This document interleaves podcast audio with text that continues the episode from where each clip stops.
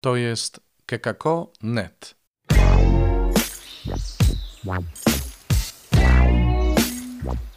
Poranny suplement diety. Chrystus zmartwychwstał. Tu Robert Hecyk z oazy Koinonian, chrzciciel w Nowym Radzicu. Jest 21 kwietnia, wtorek. Zapraszam Was do posłuchania Słowa Bożego na dzisiaj.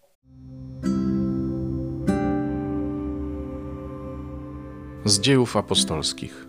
Jeden duch i jedno serce ożywiały wszystkich, którzy uwierzyli. Żaden nie nazywał swoim tego, co posiadał, ale wszystko mieli wspólne. Apostołowie z wielką mocą świadczyli o zmartwychwstaniu Pana Jezusa, a wielka łaska spoczywała na wszystkich. Nikt z nich nie cierpiał niedostatku, bo właściciele pól albo domów sprzedawali je i przynosili pieniądze uzyskane ze sprzedaży i składali je u stóp apostołów. Każdemu też rozdzielano według potrzeby. A Józef, nazwany przez apostołów Barnaba, to znaczy syn pocieszenia, Lewita rodem z Cypru, sprzedał ziemię, którą posiadał, a pieniądze przyniósł i złożył u stóp apostołów.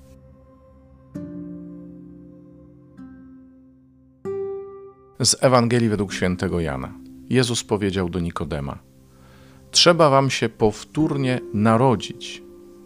Wiatr wieje tam, gdzie chce, i szum jego słyszysz, lecz nie wiesz, skąd przychodzi i dokąd podąża.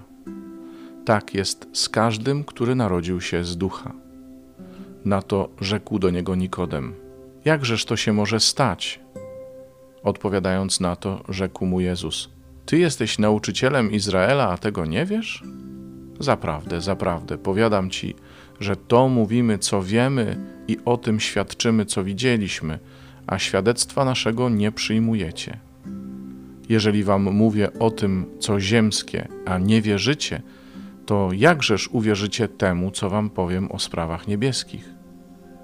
I nikt nie wstąpił do nieba oprócz tego, który z nieba zstąpił, syna człowieczego. A jak Mojżesz wywyższył węża na pustyni, tak trzeba by wywyższono syna człowieczego, aby każdy, kto w niego wierzy, miał życie wieczne. Nie wiem, czy kiedykolwiek zastanawialiście się, co to są te powtórne narodziny z ducha.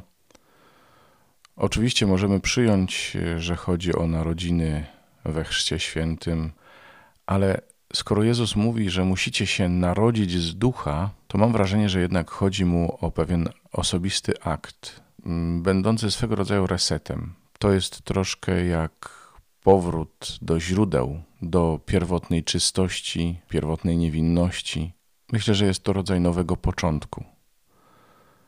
Ten, który narodzi się na nowo z ducha, zaczyna się znowu rozwijać, zaczyna znowu dojrzewać, ale tym razem już nie tylko według przyzwyczajeń ciała, nie tylko według naturalnego porządku rzeczy, ale świadomie, odnosząc całe swoje życie do rzeczywistości duchowej. Z własnego doświadczenia widzę, że od kiedy świadomie przyjąłem Jezusa do mojego życia, różne rzeczy musiały się zresetować, zacząć na nowo. Różne rzeczy musiały się zmienić, nie tylko przekształcić, ale po prostu musiały stać się nowe zupełnie nowe. I przykład. Ci, którzy uwierzyli, pozbywali się majątków, to znaczy sprzedawali różne rzeczy, które do nich należały i przynosili je do stóp apostołów. Możesz powiedzieć, no taka trochę komuna. Niekoniecznie. Tym bardziej, że oni się spodziewali rychłego zakończenia historii świata i chcieli, aby to, co mają, nie było dla nich obciążeniem, ale po pierwsze uwalniało ich do życia wiecznego, a po drugie pozwalało innym, którzy nie mieli tych wszystkich dóbr, żyć póki co jeszcze na tej ziemi. To też jest swego rodzaju reset, takie pozbycie się przywiązania do swojej własności. Na czym dla nas mogłyby polegać nowe narodziny w tej sferze? Własność nie jest niczym złym, ale tak myślę, podejście do tej własności już może być czymś złym. Ten, kto się narodził z ducha, rozumie, że jego własność nie jest czymś absolutnym, zwłaszcza jeśli widzi wokół siebie osoby, które mają znacznie mniej niż on. Osoby, z którymi tak naprawdę należałoby się podzielić, żeby nie było tych, którym brakuje na chleb i tych, którzy nie wiedzą, co z pieniędzmi zrobić. Nie promuję tutaj żadnej wizji równości pod względem materialnym, że wszyscy mają tyle samo.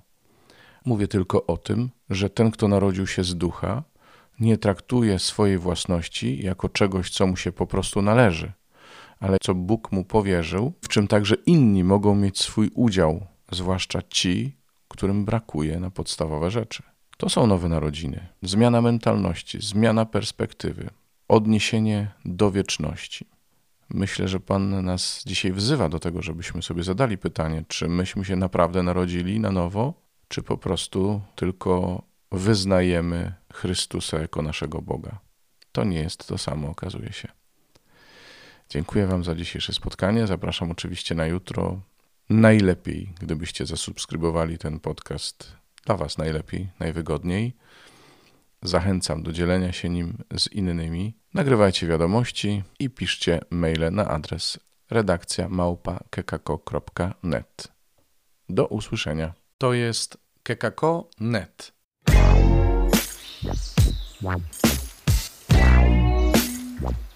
Poranny suplement diety.